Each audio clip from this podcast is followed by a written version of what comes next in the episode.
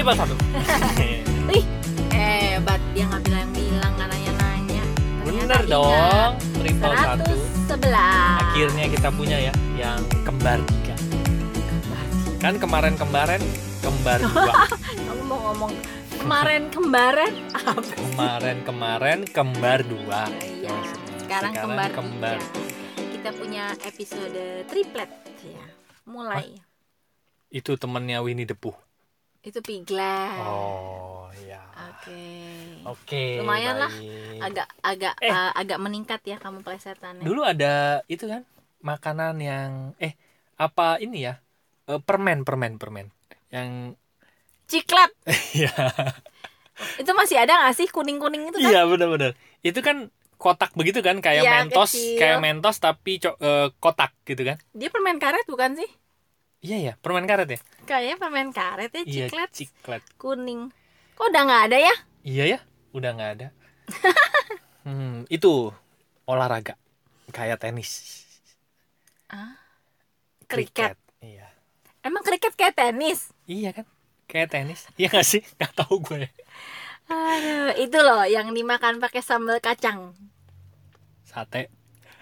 Dari kriket dong. Apa sih? Kan dari kriket. Makan pakai sambal kacang. Panjang, isinya bihun. Aduh. Kroket. Kesel. Kan yang Kroket. dimakan pakai sambal kacang mah banyak, nggak cuman kroket. Kan yang deket sama kriket. Kita kan Oh, lagi iya. bahas kriket. Iya, Kayak masa lumpia, bakwan, Meluncur. roket. Iya. Oke, kita sudah menghabiskan dua Saya menit. mau saya mau kasih plesetan. Ya, jangan jangan. Jawab nanti. Yang ada dua. Oke. Oke. Yang yang yang tahu jawabannya bisa WA. Enggak sih. Silakan masuk ke lompatan hidup, nanti pilih yang home aja ya. Terus nanti klik di situ, terus tulis jawabannya di sana. send. Oh, oh. Nah. itu. Ya, Ya. Oke. Oke. Kita mau ngomongin apa nih di episode triple satu ini? Mau ngomongin tentang ini, alasan memulai. Ting tong ting tong. Alasan memulai. Eh, udah lama lo nggak nonton Doraemon? Kurang mirip sama suaranya Doraemon. Iya, udah lama banget. Alasan memulai. Gitu mirip gak? Kayak malampir. Gimana sih suaranya Doraemon? iya ya, lebih kayak malampir ya. Aduh. Nih, jadi gini ceritanya. Gua eh gua kan karena ini tanggal 20 September nanti ada event Panji Pragiwaksono di di Cilegon. Cilegon. Jadi gue cukup cukup deket sekarang dengan teman-teman komunitas stand up ya gitu. Ya. Ada satu hal yang menarik yang gue perhatiin yaitu alasan mereka tertarik di sebuah dunia gitu ya, tertarik Oke. sesuatu gitu ya. Mm-mm. Karena gua dunianya adalah network marketing, tentu saja gue membandingkan dengan industri network marketing gitu ya. Jadi gini, Oke. Kebanyakan orang itu mau menjalankan bisnis network marketing itu karena duit. Ya kan? Karena yang Iya. diiming-imingi di awal itu adalah duit. Hasil. Lo bisa jadi kaya, lo bisa bebas waktu, bisa apalah segala macam. Ya apa pun Mm-mm. prioritas utamanya itu kan. Mm-mm. Cuman menurut gua sih sebagian besar karena pengen kaya secara cepat. Ya, itu Iya kan? sangat cukup menggambarkan dalam satu kalimat singkat. Apa? Ya itu. Oh, kalimat pengen kaya singkatnya. secara cepat. Pengen cepat kaya. pengen cepat kaya gitu nah gue merasa begitu nah tapi begitu gue masuk ke gue bilang sih stand up comedy ini industri juga dan bakal jadi sebuah industri kalau di Indonesia ya kalau di luar Ya. negeri menurut gue sih udah jadi industri Dan industrinya juga yang nggak main-main ya. Industri Benar. besar ya. industri besar karena gue ngelihat eh, kemarin eh, di YouTube-nya Panji Pragiwaksono ya dia baru pulang dari Amerika di Los Angeles sama New York kalau nggak salah itu di dua tempat itu gue lupa di salah satu tempat apa dua tempat itu setiap hari ada show eh, pertunjukan stand up comedy Hmm. setiap hari loh dan setiap hari itu ada beberapa sesi Oh. itu di beberapa tempat bahkan Hmm. di mereka punya namanya eh, comedy cafe ya ya. ya comedy cafe gitu itu setiap hari bisa Comedy gitu store ya. comedy store dan lain sebagainya Ya. nah itu di setiap kota ada gitu Hmm. jadi gue cuma pikir bahwa wah ini benar-benar ini juga industri gitu orang bisa Mm-mm. mendapatkan uang banyak juga dari stand up comedy gitu ya ya. Nah, dua-duanya nih sama in- sama-sama industri menurut gua. Yang satu industri network marketing, satunya industri stand up gitu ya. Hmm. cuman gue ngelihat yang komunitas mungkin karena gue baru deket ke di komunitas eh, daerah gue lah ya Cilegon Ya. Serang mereka itu tertarik masuk ke dunia, Dunia stand stand up itu bukan ngelihat duitnya dulu gitu karena mereka tertarik gitu kok terta- menarik ya bisa buat orang ketawa kayak gitu kok menarik ya eh, bisa menghibur orang dulu gitu Ah. ini kan dua alasan memulai dari dua industri yang berbeda gitu menurut gue dan dua alasan yang berbeda juga. dua alasan yang berbeda juga Oke. gitu nah tapi apakah dua-duanya bisa menjadi orang kaya jawabannya iya Mm-mm. betul dong gitu karena Iya. stand up komedi di Indonesia aja sekarang bayarannya udah mulai oke loh Besar udah ya. mulai besar gitu Mm-mm. gue cuman melihat oh ini ada dua perbedaan yang cukup ekstrim ya gitu nah Mm-mm. makanya gue nggak heran kenapa di industri network marketing itu banyak yang berguguran Hmm. kenapa karena memang fokus utamanya adalah uang cepat Jadi ketika uang itu tidak didapatkan dalam jangka waktu yang mereka, mereka pikirkan, pikirkan ya betul akhirnya mereka langsung menganggap oke bisnis ini sudah, Sudah, tidak layak sudah untuk tidak layak gitu. dikerjakan. gue sih belum pernah ngelihat orang belum bukan belum pernah kecuali para expert ya di industri network marketing ya Oke.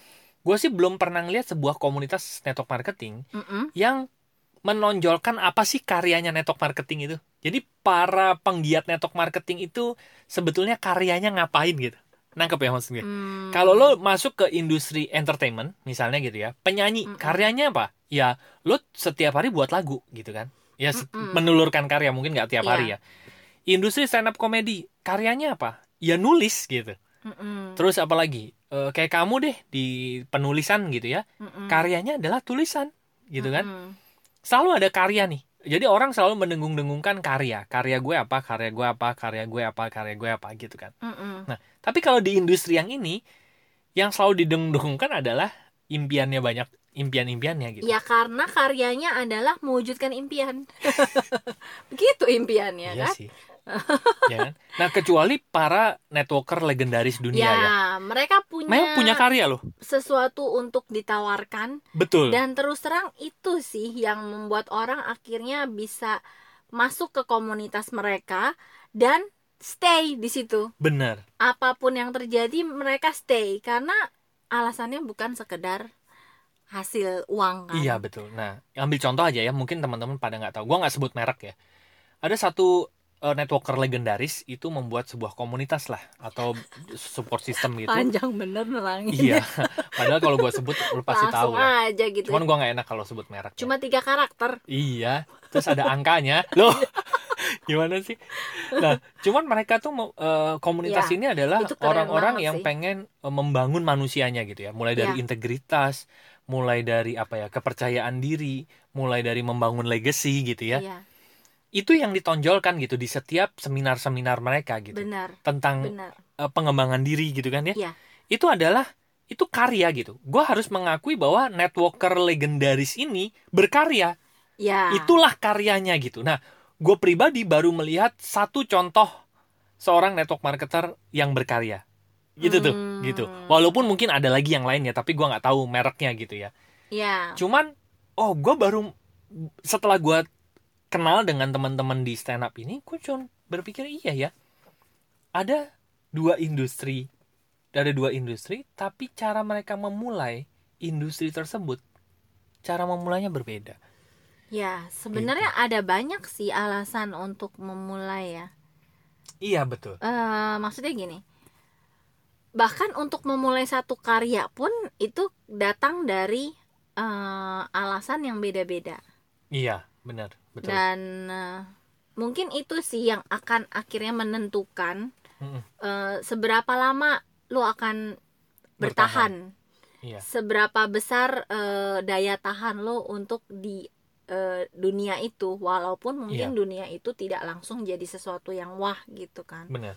Makanya mungkin kalau zaman dulu eh, apa dibilang kan Mm-mm. langkah pertama menjalankan network marketing adalah punya impian. Mm-mm. Sebenarnya menurut gue itu kurang tepat sih. Punya Oke. alasan ya sebenarnya. Ya, ya, ya, ya, ya. Cita-cita. Punya alasan yang eh Alasan kenapa lo memilih industri ini iya sebetulnya? dan Jadi, al- alasan itu jadi sesuatu yang bukan sekedar alasan tapi apa ya? ya why-nya ya yang ya why ya betul menggerakkan gitu bener gue melihat eh gue melihat teman-teman yang ada di komunitas ini ya komunitas stand up ini em, hmm. apa namanya memang mereka niat untuk eh, berkarya gitu ya. Nah oke. cuman ini gue bilang cuman lagi nih gitu. Cuman gini tetap yang namanya industri kita kan tetap mengharapkan hasil yang besar dong. Iya. Gitu. Nah tetap ad- perlu ada keseimbangan nih oke. Keseimbangan antara lo berkarya sama lo bisa mendapatkan hasil dari industri tersebut. Ya karena sebenarnya dua hal ini yang akan em, membuat lu makin mencintai. Makin mencintai Iya. dan makin bisa panjang gitu nafasnya di Bener. dunia itu. Bener-bener nah gue melihat beberapa teman-teman yang di dunia stand up itu agak alergi sama duit. Gue bilang alergi ya sama duit. Kenapa? Oke. karena mereka merasa gue pernah lontarkan beberapa kali malah kalau kita ketemuan meeting segala macam kenapa sih kalau di Cilegon lo nggak punya nggak punya tempat gitu ya nggak punya waktu untuk menjual. menjual gitu. Yang bener-bener orang bayar datang itu gitu. Dan mereka apa dan jawabannya? mereka bilang wah itu industri sekali ya pak. Hah? Gue pikir loh oh. kok industri sekali? Gue bilang oke. Sekarang gue gue bilang gue gue sepakat sama Panji. Panji waktu itu sering ditanya sama orang gitu ya.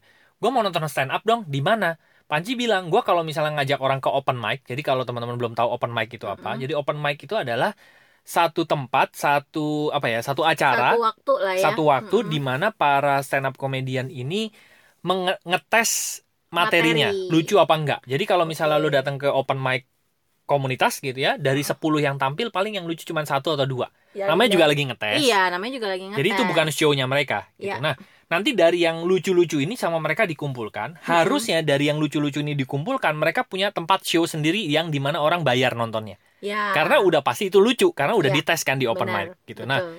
di Cilegon itu nggak ada. Gue nggak tahu di Serang. Serang juga kayaknya nggak ada. deh. jadi kayaknya yang ada cuma open mic aja terus ya lo latihan terus terus lo bisa hidup dari industri ini gimana gitu mereka bilang itu industri banget sih pak gitu Hah?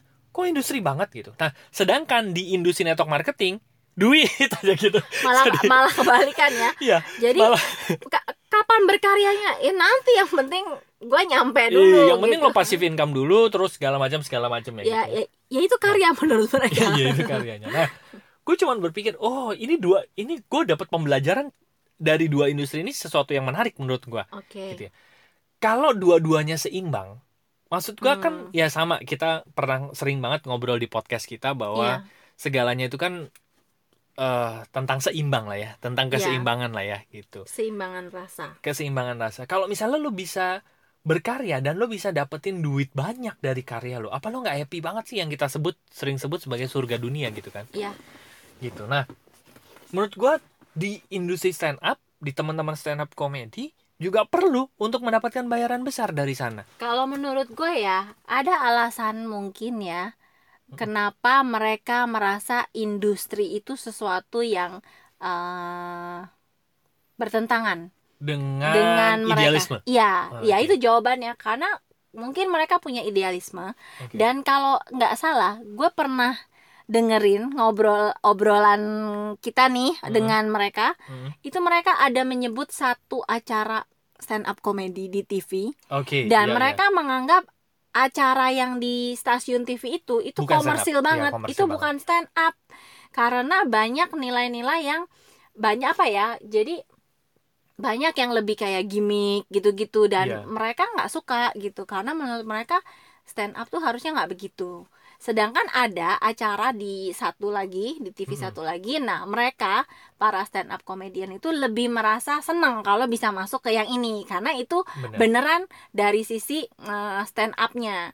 Jadi mungkin mereka merasa industri itu sesuatu yang enggak banget buat mereka karena mereka merasa harus mengorbankan idealismenya kalau mau masuk ke situ. iya Padahal sebenarnya mm, yang gue pelajari ya kayak ngelihat yang Panji, Iya. terus Raditya Dika, Ernest, sebenarnya mereka, mereka tidak tidak, membuang idealisme. Iya, betul. mereka tidak membuang idealismenya. Mereka justru eh, akhirnya yang bikin mereka keren adalah karena mereka bisa membungkus. Yes betul. Membungkus idealisme mereka. Dengan sesuatu yang memang orang mau beli Iya, Ya kan? jadi akhirnya mau nggak mau dalam tanda kutip mereka bisa loh menjual idealisme mereka gitu. betul Bukan mengorbankan idealisme untuk jualan gitu. bener Jadi justru gue. mereka eh, belajar gimana caranya memarketingkan dan men-selling diri Iya, mereka sendiri iya, karya bener. mereka sendiri itu kan gitu. gitu. Nah, atau ada yang kedua. Seringkali orang cenderung bisa berkarya tapi mereka mentok untuk menjual diri mereka. Kenapa? Karena kalau kita menjual diri itu pasti ada penolakan Iya, karena dan mereka Nggak ya? siap dengan penolakan. Padahal sebetulnya kalau mereka open mic dan materinya nggak lucu, sebetulnya mereka itu ditolak loh sebetulnya. iya Ya kan? Jadi mereka tidak masalah ditolak karena karyanya, tapi Mm-mm. mereka menjadi masalah pada saat ditolak karena mau jualan sesuatu. Iya nggak sih? Oh, kenapa tuh menurutmu? Karena ada hubungannya dengan duit. Mungkin ya, mungkin nggak tahu. Jangan-jangan, jangan-jangan memang ada mental block bahwa mendapatkan duit banyak itu sesuatu yang nggak banget. Iya nggak sih? Oh. Jangan-jangan loh, makanya Gue masih ingat waktu dulu gue eh, ada satu komunitas network marketing ya. Iya. eh itu kalau mereka mau presentasi, Mm-mm. pendahuluan mereka adalah begini. Ada nggak di antara bapak ibu yang alergi sama duit? Ah. Nah, kalau oke. alergi, mungkin ini bukan untuk bapak dan ibu penjelasan ini. Karena memang ada ternyata orang yang alergi sama duit. Iya, karena menurut gue juga bener juga. Karena ada orang yang memang alergi sama duit. Misalnya mereka dengar nominal-nominal yang cukup besar, Mm-mm. itu mereka agak merasa mual-mual mungkin. Mm-mm. Atau mungkin merasa nggak nyaman di dirinya. Ada loh. Iya, mungkin merasa Ada itu- penolakan Iya, juga, benar, benar, gitu kan. benar. ada loh jadi gue pribadi juga mereview waktu waktu gue masuk ke acara itu ya acara komunitas network marketing Mm-mm. itu bapak ibu alergi nggak sama duit gue pikir emang ada ya orang alergi sama duit gitu Hmm. nah tapi ternyata memang ada gue juga merasakan pada saat adalah setiap nominal-nominal tertentu yang disebut itu memang ada penolakan dalam diri gue Iya. kan kita bisa ngerasain ya perasaan di Mm-mm. dalam diri gitu oh kenapa ya gue kalau dengar angka 10 triliun kok gue ini orang ngomongnya kok gede banget gitu Iya. kan ada tuh kita Nggak- ngomong nih orang masuk gitu ya gede bacot nih gitu kan. Heeh. nilai gue misalnya 10 triliun tapi ada orang yang ngomong di angka 10 juta aja gede bacot Iya. ya kan Benar. mungkin bahasa gue bener sih menurut gue itu Bener. kalimat yang oke lah ya gitu ya Iya. dua kata yang oke gitu nah ada orang yang 100 juta udah nggak make sense di mereka jangan-jangan Hmm. itu alergi duit Iya. gitu. Nah, menurut gua sih begini, bahwa berkarya dengan mendapatkan uang banyak dari karya itu adalah sesuatu yang sangat menyenangkan sekali itu. Kenapa kenapa harus merasa berkecil hati Oh, kalau misalnya iya. kita dibayar mahal? Gue juga oh, harus Sebenarnya ini ini loh, kayak waktu itu kita pernah bahasnya pilihan apakah hidup yang lengkap itu ada gitu. Karena orang iya. merasa atau kan Iya, iya. harus memilih kalau gue mau jualan gue nggak bisa gitu dengan idealisme gue. Tapi Iya. kalau gue mau mempertahankan idealisme gue, kayak kok kayaknya gue nggak bisa jualan gitu. Kayak jadi memilih harus memilih antara ini dan ini. Padahal sebenarnya yang dilakukan para expert itu mereka bisa menggabungkan kedua-duanya gitu kan. Betul, betul. bisa eh, mereka tahu gimana caranya membungkus ya tadi membungkus idealismenya untuk bisa dijual. Benar, betul sekali. Makanya Iya, iya. kayak podcast episode berapa ya? Dua dua episode yang lalu kalau nggak salah, yang gue kita pernah kita bilang bahwa sebetulnya flow berkarya itu kan, eh, oh yang hati-hati terjebak kerja passion ya, gitu ya. Iya. Flow berkarya adalah lo berkarya ada tenggat waktunya, abis itu lo eh, review karya lo nih diterima apa enggak. Kalau Mm-mm. enggak, lo mulai lagi dari berkarya ada tenggat waktunya, nanti lempar lagi karyanya dan terus seperti itu kan. Nanti makin lama kita akan tahu gitu. Oh karya gue yang diminati adalah yang seperti ini. Tapi apa kalau mengorbankan diri lo gitu ya, idealisme lo sebetulnya enggak juga gitu. Karena sebetulnya misal gini, lo melempar 10 karya ke pasar Oke. ternyata yang diminati adalah eh tipe tipe yang lima misalnya. Iya. Sebetulnya kan tipe 5 ini kan lu pernah buat kan, Mm-mm, bukan mm-mm. sesuatu yang eh, lu nggak pernah buat gitu kan. Iya. mm-mm. Lu ya udah berarti yang diperbanyak sekarang tipe nomor 5 gitu. Oh jadi kayak menemukan uh, formula lah ya. Formulanya. Gue masih inget waktu temen gue buat restoran, gue lupa siapa. dia waktu itu bilang gini gue waktu pertama kali gue pengen masakan gue banyak ada anggaplah 10 Oh, masakan gue oke. lupa siapa ya Itu yang warteg warteg. warteg ya ya Ya. Pokoknya Pertama 10 semua anggaplah 10 gitu ya. Ya. ternyata setelah disurvei-survei yang menghasilkan omset paling banyak itu cuma tiga masakan. Anggaplah begitu biar gampang ya. aja. Mm, lah terus kenapa gue harus mempertahankan gue harus masak tujuh masakan yang lain gitu? Ya, itu kan buang-buang kos sebetulnya. Betul. apakah tiga masakan ini gue gue mengubah cara masak gue enggak. Tiga masakan ini gue udah buat kok setiap hari sebetulnya. Iya. gitu. Jadi tidak ada idealisme yang dibuang. Gitu. Benar, benar, benar, Nah, benar. Eh, yang mau gue bahas tuh ini ini sebetulnya di podcast kali ini yaitu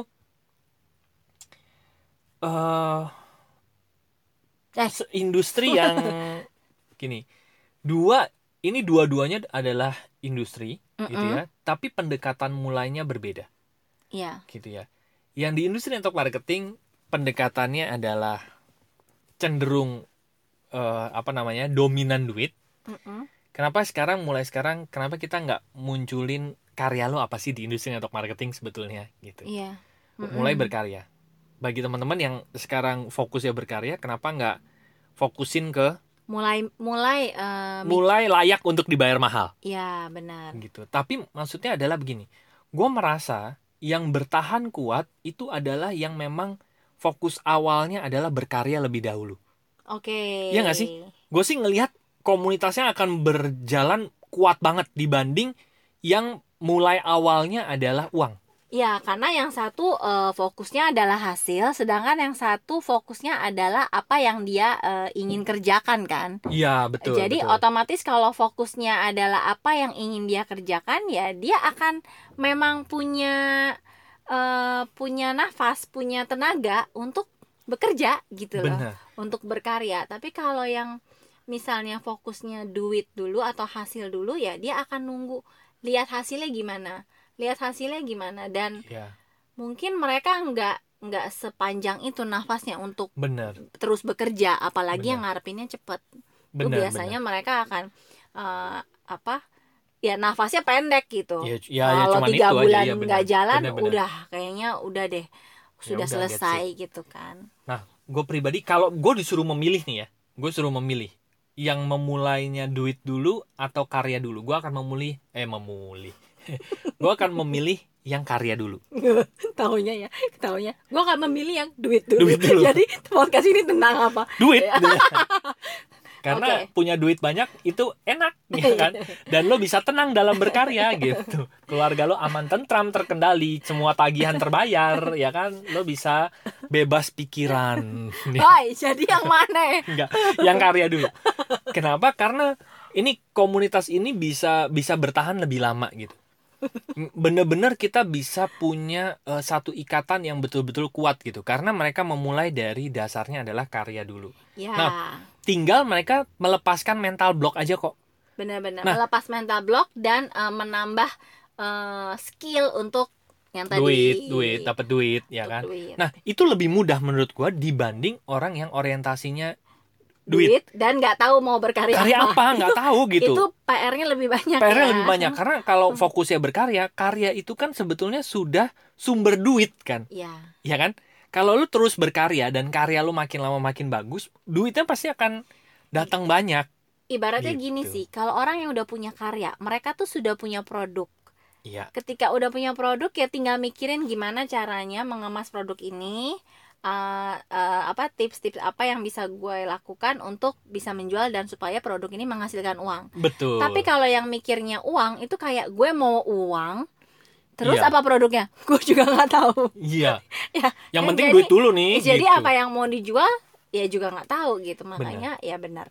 Kalau sudah tahu dan sudah mulai berkarya itu sebenarnya sudah satu step lebih maju ya. Bener, karena kalau yang dijual dijual. Ngomong- juil, Juil. Juil itu itu tuh cumi kering. Nih. Cu- cumi kering. Apa ya? Ebi. Juhi. Oh, juil. Duh, gua kayaknya agak kurang ya di pelesetan. Ah, dia malah upil tadi. Oh iya. Gua mau ngomong apa tadi ya? Iya, Yang dijual iya. Kalau eh, orientasinya duit dulu, eh yang dijual duit melulu, ya. jualannya itu cuman duit gitu.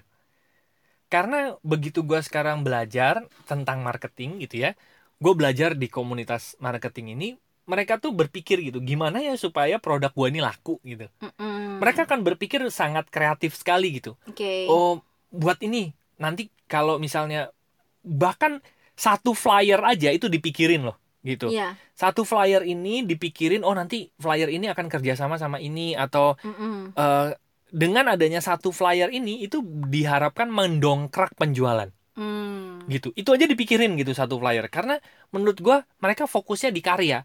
Karya yang menghasilkan duit. Ya, Iya ya, dong. Ya, ya, ya, ya. gitu. Karena kalau enggak fokusnya duit yang lo jual lo mau nggak jadi kaya? Lo mau nggak jadi ini? Promosinya tuh itu itu terus gitu. Lama-lama pasar akan bosen.